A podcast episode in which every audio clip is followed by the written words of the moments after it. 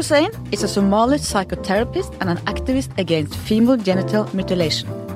She was in Oslo during the Oslo Freedom Forum this spring, and she took the time to sit down and talk to me. Welcome, Leyla. Oh, thank you for having me. Apologies about my voice. I think it was all the screaming and shouting during the forum when you hear all these horrible stuff. So I think. So I But we can hear you. As long as you can hear me, and I'll really uh, keep it very clear. Don't thank you're- you for having me. Though I'm glad. I'm a big podcast fan, so this is like right up my street, which is perfect. And I don't think you will ever be voiceless. Oh, thank you. Actually, that's great. This is a great time to be reminded of that. Yeah. Before we start, the commercial. Jeg hører på lydbok når jeg ligger på stranda i Sydney. Det er 38 varmegrader og hetebølge. Og da hører jeg på Roy Jacobsens Hvitt hav. Det er veldig mye roing og sløying av torsk. Og frosne koldbrannfingre. Hun hadde glemt votter og kunne ikke bevege fingrene. Og et par sekunder da klarer jeg nesten å se for meg hvordan det er å være skikkelig kald. Som om hun lette etter lus. Med Storytel får du ubegrenset tilgang til tusenvis av lydbøker direkte fra mobilen din. Prøv Storytel gratis i 30 dager på storytel.no skartveit. Leyla, you are sick and tired of the portrayal of Muslim girls being painted as sexually oppressed beings who sit at home twiddling their thumbs all day. Could you elaborate on that? Oh my god! You know, I mean, I know where you got that from. It was from the Sisterhood magazine. Do you know what? I was, like I said, I was sick and tired of it because I think, and it wasn't just amongst, it wasn't just the Westerners who feel this way. It's also amongst the Muslims who think these are women who just hang. I mean, I was lucky. I grew up in a home where sex was very open. My parents, I mean, my dad, I mean, passed away now. They were literally like two 16 year olds who had a big crush on each other. So physical contact wasn't a big deal in my house. And for me, things became a bit weird when I remember when my now ex husband, you know, I'm, I'm heavily divorced. I like that terminology. And when I pounced on him one day and he was, he freaked out. He was like, Oh, he didn't know women could ask for sex. and I was like, and then I kind of retrieved back because I was quite young and obviously being a therapist and I started to see it. I mean, this article I was specifically writing from Muslim Women's Magazine. I mean, I feel, I feel women all over the world are in this situation. You know, women are always not, we are supposed to be only be carrying babies as far as we're concerned.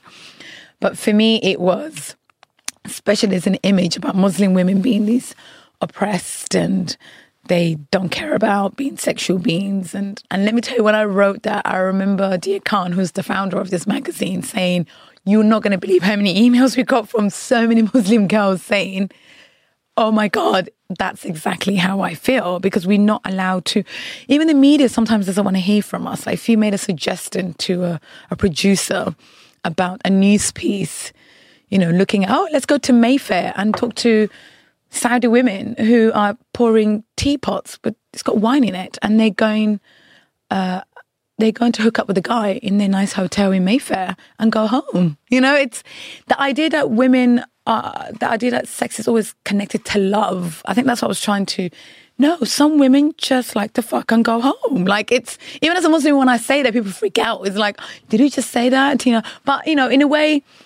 I mean, this this article was sp- specifically influenced by um, Mona Eltahawy, who's an Egyptian. Egyptian, uh, yeah, and I met again. I met her in Oslo. Listen, Oslo is a very special city. It's like where I think women like myself can come and say things like this and not be attacked or killed for it. And I get to meet people like Deeyah and Mona in this uh, in this city. And Deeyah Khan being former pop star in Norway, Deepika. She has been in my podcast as well. A wonderful Oh, she's Norwegian, amazing. Oh, she's my British. Pakistani woman. She's amazing. She's, I mean, I consider her my sister and my mentor. And I mean, she created this amazing platform where me, as a Muslim woman who had this view, sees Mona on stage, who's who got up and said, and she said, "You know, my name is Mona Eltahawy, and I drink and I like to fuck," and and and and I thought, oh my god, finally someone said it. So really, Mona was actually a, a big influence in this particular article, and and I remember, it, but it was also an article where I got attacked a lot, not by men, it was by women. Muslim women? Muslim, even white women attacked me for this. They were saying, How can you you're you're being an Islamophobe. I was accused of being an Islamophobe, which is really Wow. interesting. That's interesting. Yeah, I was like, oh, you're portraying Muslim women uh, as sluts. I was like, okay, not one thing about. and- again, this slut shaming behavior comes from all sides. And I was accused of, um, I was promoting women committing sin. And I said, well, it depends what you consider sin. if sex is sin, then, well, I've committed loads of sin then. Stereotyping. Tell me how you see the West viewing ordinary Muslims and the other way around. I, I think currently, I, I think, I mean, we can all be honest. After September 11th, the world changed. I, actually, my personal story to that, I flew into the US the day before. I walked in. It was like, "Hello, ma'am, welcome." Next morning, I woke up to a different America, and I seen and watched Muslim women being physically attacked in the middle of the streets in the US. I mean, I saw that. Um, I left three months later. I, I left just after the shoe bomber was caught.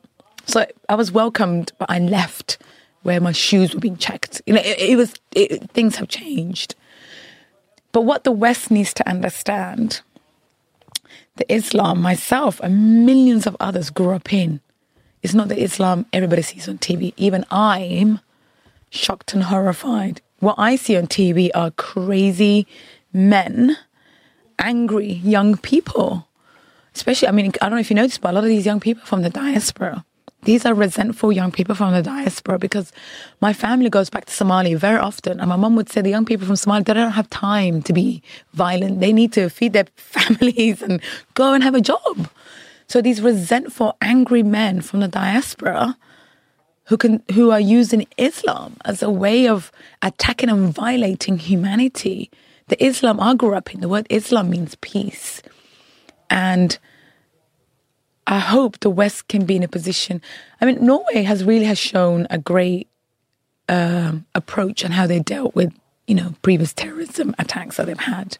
You know, I think were- Norwegians uh, are more and more aware that it's a difference between the terrorist and and Muslims. And when we had this terrorist attack, as you referred to, a Absolutely. white white guy it was never yeah that was never considered to, i mean that's i mean this is the other thing in the west it's like as a muslim person whenever i hear something happened you know and every muslim would tell you they get into a panic state and i'm i'm one of those people when i wake up and when i hear someone i'm like oh please don't let his name be a Muhammad or Abdullah or anything that even sounds or a muslim because what will happen is our whole community it's vilified because when a white man does that, not white people get vilified. Do you see what I mean? And I think that's what I want.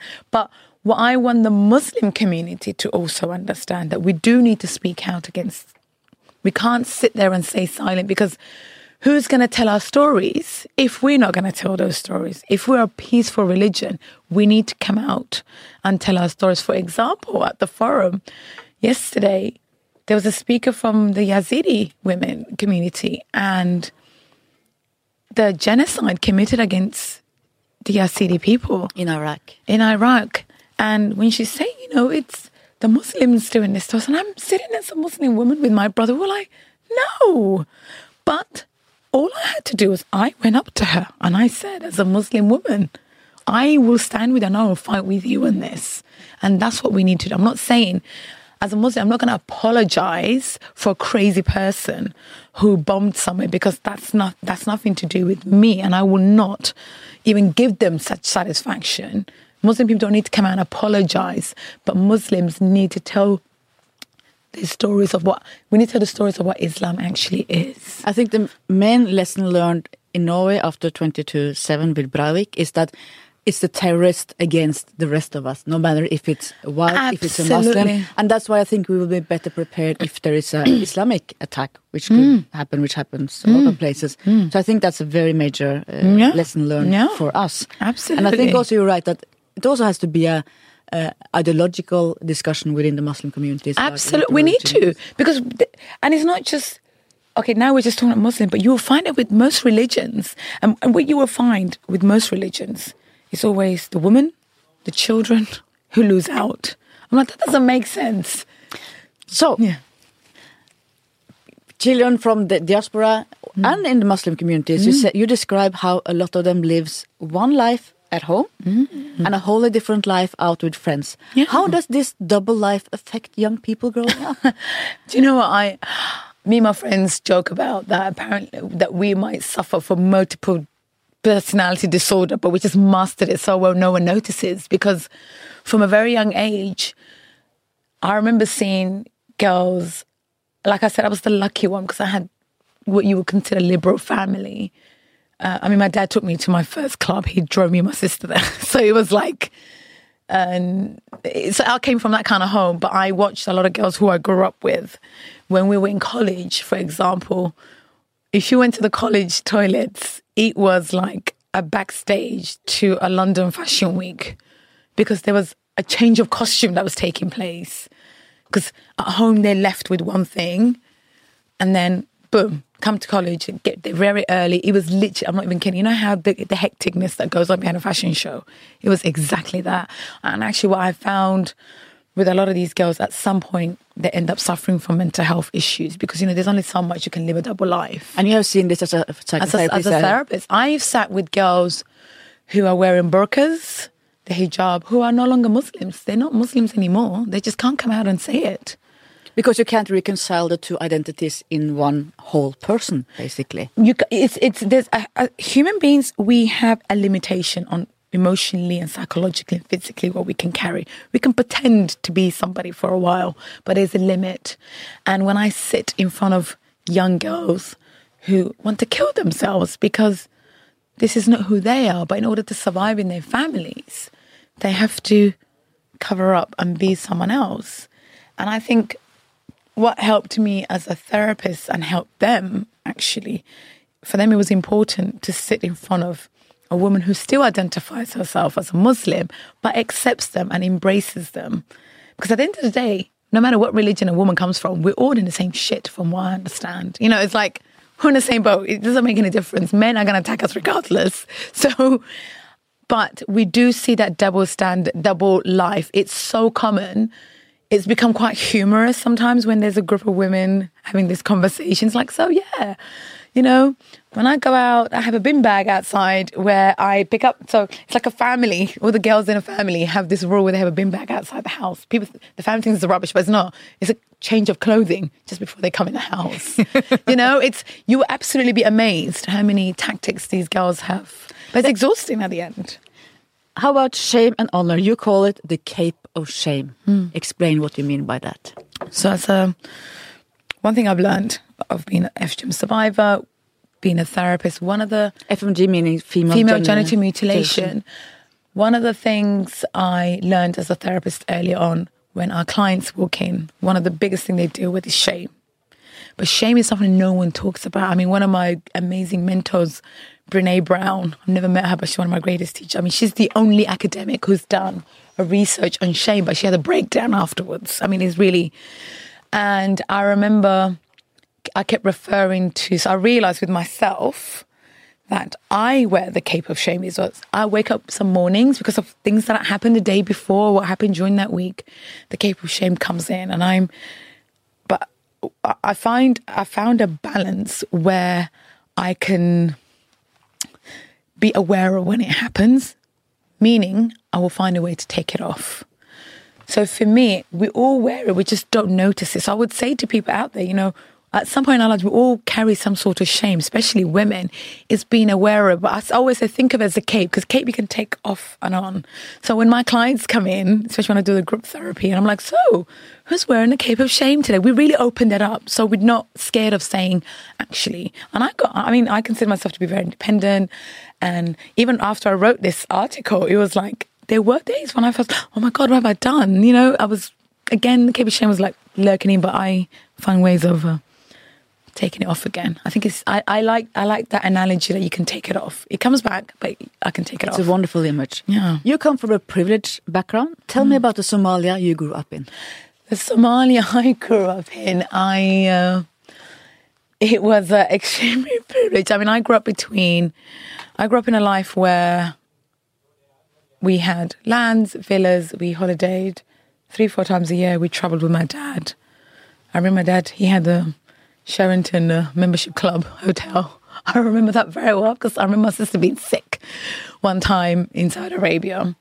And obviously, my mum had to be in hospital with her. So my dad had no choice but to feed me at Sheraton. What a treat. Meaning, I spent most of my time at the dessert section. my mum was not very happy about it. Um, but at the time when you're a child, you don't. I mean, my, if I describe the flat that we lived in Saudi Arabia, it was so big. Because you moved to Saudi Arabia after Somalia. So I was born in Somalia. Ten days later, my mum moved because my dad was already working there when they got married. So we moved there, but my dad was working for an Italian company that was building hospitals. So my dad is responsible for most of the hospitals in the 80s in Saudi Arabia. So I lived in a desert. I mean, at the forum, I showed an image of my mom. So they lived in compounds. Um, but um, the but he traveled to different parts of Asia, so we would always travel with him. So I remember taking nice holidays in India. I remember the company that he worked for built part of the Bollywood studios, so we, me and my sister, got to go to the Bollywood studios. Actually, my parents. This is a crazy story. My parents took us to the slums of India to teach us about facts of life, that how poor people lived. So they took us from Somalia, traveled to India, and that's. I didn't know Africa was poor until I came to the West until I moved to the UK. I never knew that. That's interesting. And I remember when we first came to the UK, we didn't speak English. And because me and my sister went to a private Italian school where, you know, food was brought to us. There was like four course meal.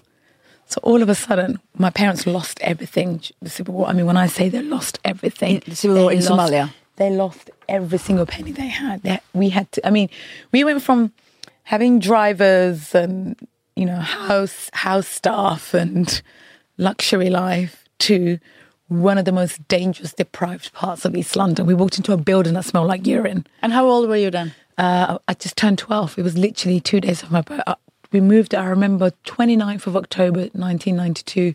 And my birthday's the 27th of October.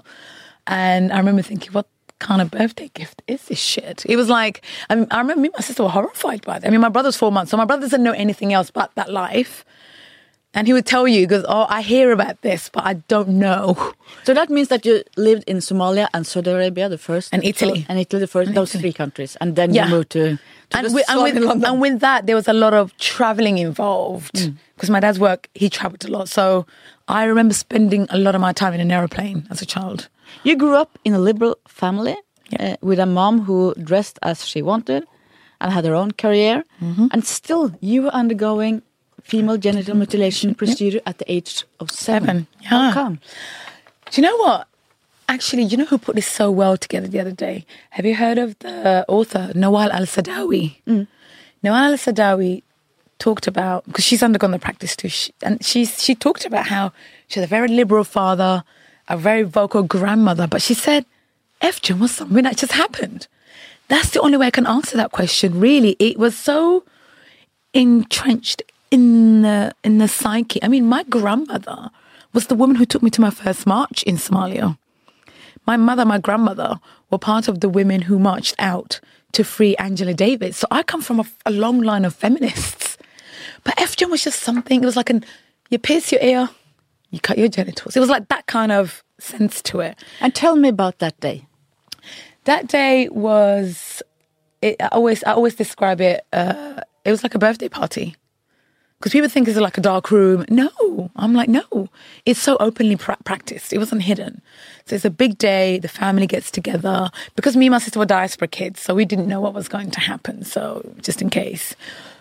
Um, my mum's usual caterer was there. When she has big events, she has a caterer that she gets in they were there cooking and oh this is strange my dad wasn't around because mum always does this she invites all his colleagues around so it's like a big dinner dinners that she used to throw for. And all of a sudden that was an I thought hmm, what kind why we celebrate and it's not my birthday because my mum loved throwing us big birthday parties absolutely like went all out and I thought that's true it's not mine it's not Faye's birthday so that was weird it was my neighbour's daughter who told me what was going to happen to me so she's describing it, I could hear my sister screaming at the side of the house, literally screaming. Because it happened to her at that It- moment. well, yeah, there was three of us who had it. I've got a cousin who now lives in, in Canada. Um, she was the third one, so it was my sister, then me, then her. Um, all three of us were diaspora kids, and we were cut all at the same time. So that was Um, but it was something that just happened. That's the way it was seen. I mean, with the women in my family, my grandmother was married off as a child. But what my grandmother did, she made sure her daughters, I mean, two of them were married off. She was too young to protect them, but she protected my mother. So my mother ended up being in the Somali army. My mom was actually a Somali symbol. After the Somali war, after the Somali's independence, my mum's image was the Somali symbol. So her picture was literally everywhere in the world. So that gave her some sort of exposure in Somalia. So she joined the army, became a police officer, trained as an accountant, worked for the Somali government with the Treasury Department. So we broke some cycles in the family. So my mum now says, so it took Leyla's generation to now break that cycle. So my daughter is now free from FGM, from early child marriage, and I'm sure my daughter's going to break some other stuff with her own children. So that's the way I now see it. In your presentation, you um, emphasized the trust issue, the Yeah. aspect that that that those people you trusted, who pinned you down, who held you. Would it have, in any way, have been easier to deal with in the aftermath on a psychological level if there had been strangers doing it? Yeah, but isn't isn't most violence? See, this is what I've learned in therapy. Most violence, especially uh, you know, I call this sexual assault. I don't even call this female genital mutilation anymore. When any form of such violence takes place, it's someone that you know, because only someone you know can get you in that vulnerable state. When I'm training psychotherapists, especially, and professionals who work with women who have undergone FGM, usually what do we do when a woman's violated? We send them to a women's organization. Yeah, no offense, but they don't trust women, this group of women, because the people that pin them down more likely to have been women. I mean, I was cut by a male doctor. So I have another issue with doctors and men who, you know, who knew this was a terrible implications on me. So I always have to remind people they didn't just lose a physical part. They lost trust for one, but a lot of them have tr- lost trust with women and, and part of the therapy that we do with women is re that's why for me running group therapy was so important because these women need to build relationships with women all over again So they learn to trust one another. absolutely in the group. and let me tell you the outcomes are amazing. Some of these women now go to yoga together. They babysit each other's children now. It's literally changed their lives. It's not just a therapy group. It really changed their life long term. I mean I, you know the, the Dahlia project is not just a counseling service. It really became a place where women's lives have changed for the long term. Uh, the trust issue and the cutting. Is it possible to forgive something like that? Through therapy. That's what saved my life. And I, that's why I became a therapist because I was so angry at my mother. I, I love my mother. We've always had a very good relationship. Extremely like, I mean, I, I always say not many people were birthed by their best friends. I mean, she she is one of my best friends. But when I got involved in this work, there there was a bit of a tension because, and I have a daughter, and I was like, all of a sudden, like, how can someone do that to your daughter? I'm like, I could never do this to her. And it was actually through therapy that helped me. And my, my mum and I went to therapy together. And my mum, there's actually a video clip on YouTube where we filmed me, my mother, my sister, and my brother having that conversation.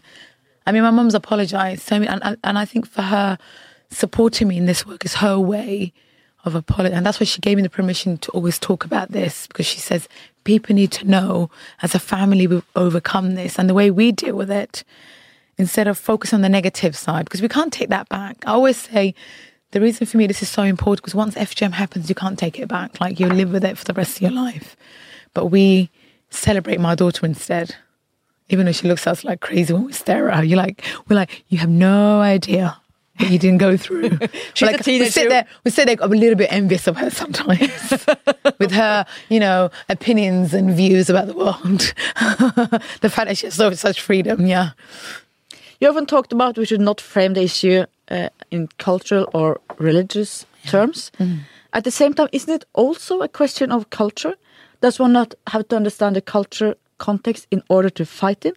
And at the same time, of course, uh, have at the front of the issue that it is about abuse, abusing children? For me, this is not even a context of, we don't need to discuss within the context of culture because we wouldn't say that about sexual abuse. For me, that's where I stand on this. That's why I'm so adamant to keep that word out. Because for me,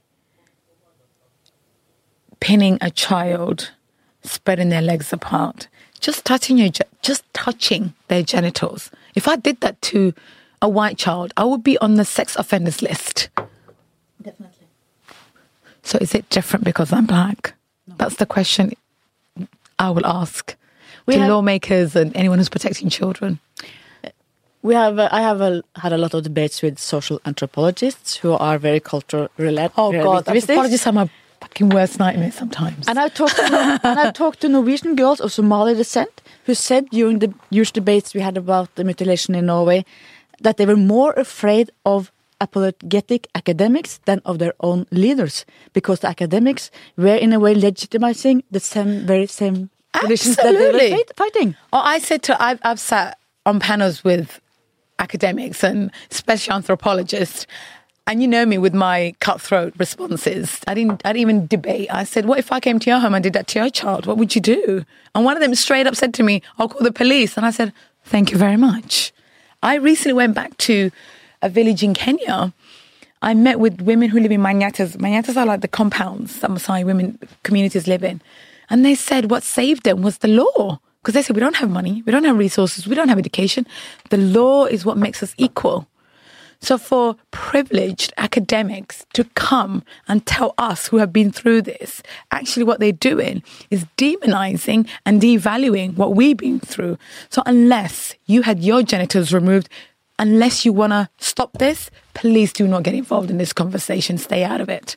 I, I literally now I've even stopped entertaining such conversations with such academics. I go, listen, if you want to talk about why lemon tea is different from Earl Grey, well, I'll have that conversation with you. But when it comes to child protection, I'm not going to have a conversation with you about this. It's absolutely rid- ridiculous.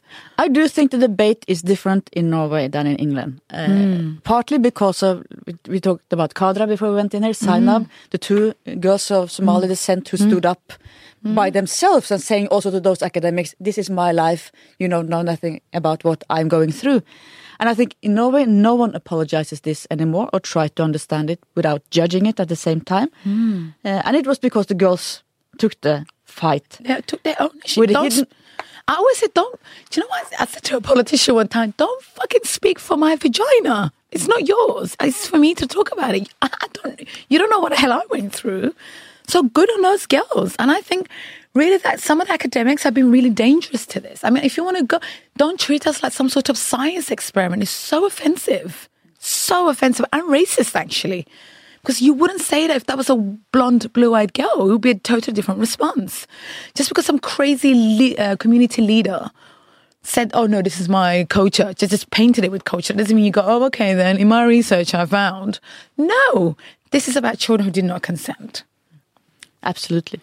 And I think that those girls, Kadra and Zainab and others, they paved the way in Norway for different debates and also for action plans and for legislation and everything that I think, I don't think you could find anyone in Norway now.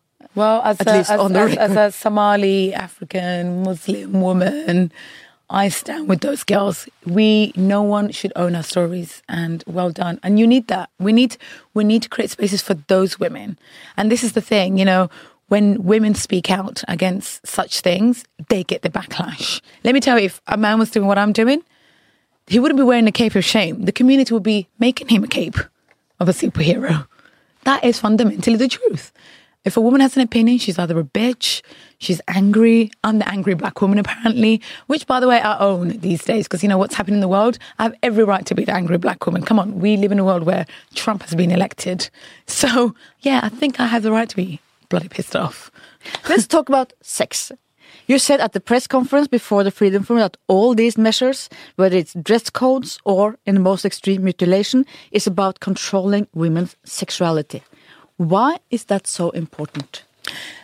globally, the idea that a woman is sexually free, or or being, uh, or for her to be a sexual being, it's a crime. She is shamed. She's slut shamed. The reason FGM fundamentally exists, it's for me not to have sexual pleasures. And unfortunately, to those who still believe this, I'm so sorry, that actually hasn't worked. Sexual pleasure has nothing to do with my physicality, it's a psychological state. And women, if you're a woman out there who's undergone FGM and you think you can't have an orgasm or enjoy sex, yes, you can, because your clitoris organ is actually inside. Actually, recently I discovered there's a nerve called the vagus nerve, which is right behind the G spot. Wow. I figured I found this out at the age of 35. Wonderful. I was so upset with my biology teachers, by the way. That's going to be another campaign at some point. They did FNG first, and then you can go for this one. Exactly. I mean, they don't have in the UK. I found out recently the clitoris organ is not on the biology books. This is what I mean by discrimination of women. It starts there.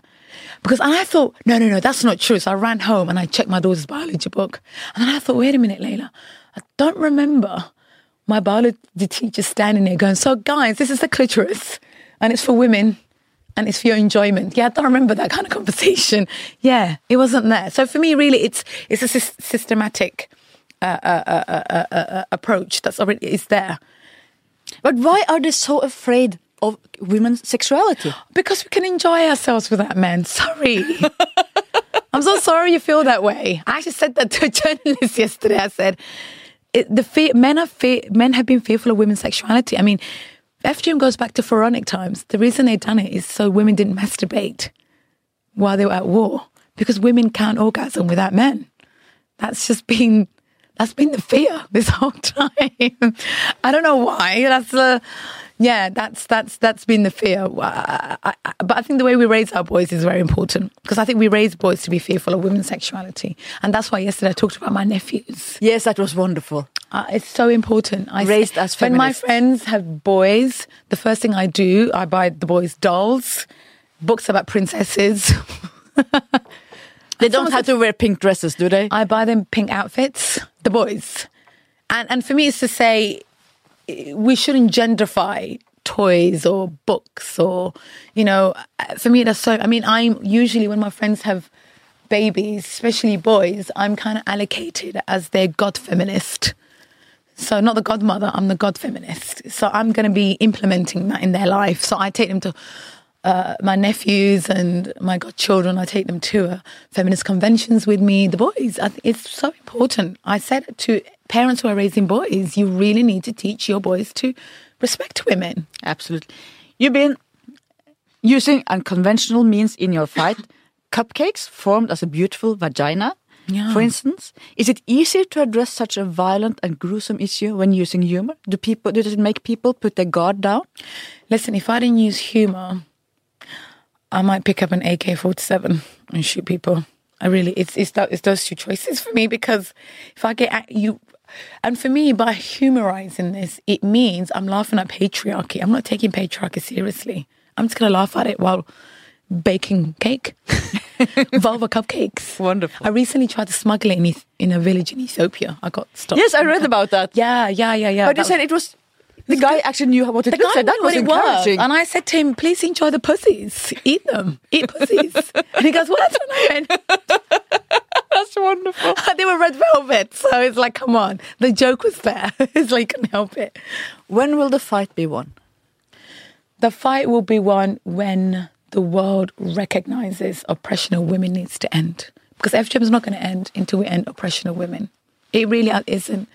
In the UK, one of the things I'm constantly reminding people, until we end policies and laws that discriminate against us. I mean, I don't know if the same way in Norway, but in uh, the UK, we are taxed on tampons. If I'm being taxed for having periods, that's absolutely crazy to me. You- I mean, the, the fact that pads, period pads, are luxury is crazy, and Jaffa cakes are essential. So I wrote this blog two years ago where I said, right, we should just start bleeding everywhere and say we can't afford tampons. They will have to give it to us for free or use Jaffa cakes. Finally, finally, my regular question to all my guests: What will be the story about you? Leyla Hussein, that's the woman who. That's the woman who, oh God. Oh, I wouldn't know. No, that's the woman who dared. Wonderful. Thank you so much for coming. Thank you for having me. Thank you for listening. Thank you to our producer, Magne Antonsen. Listen again next week.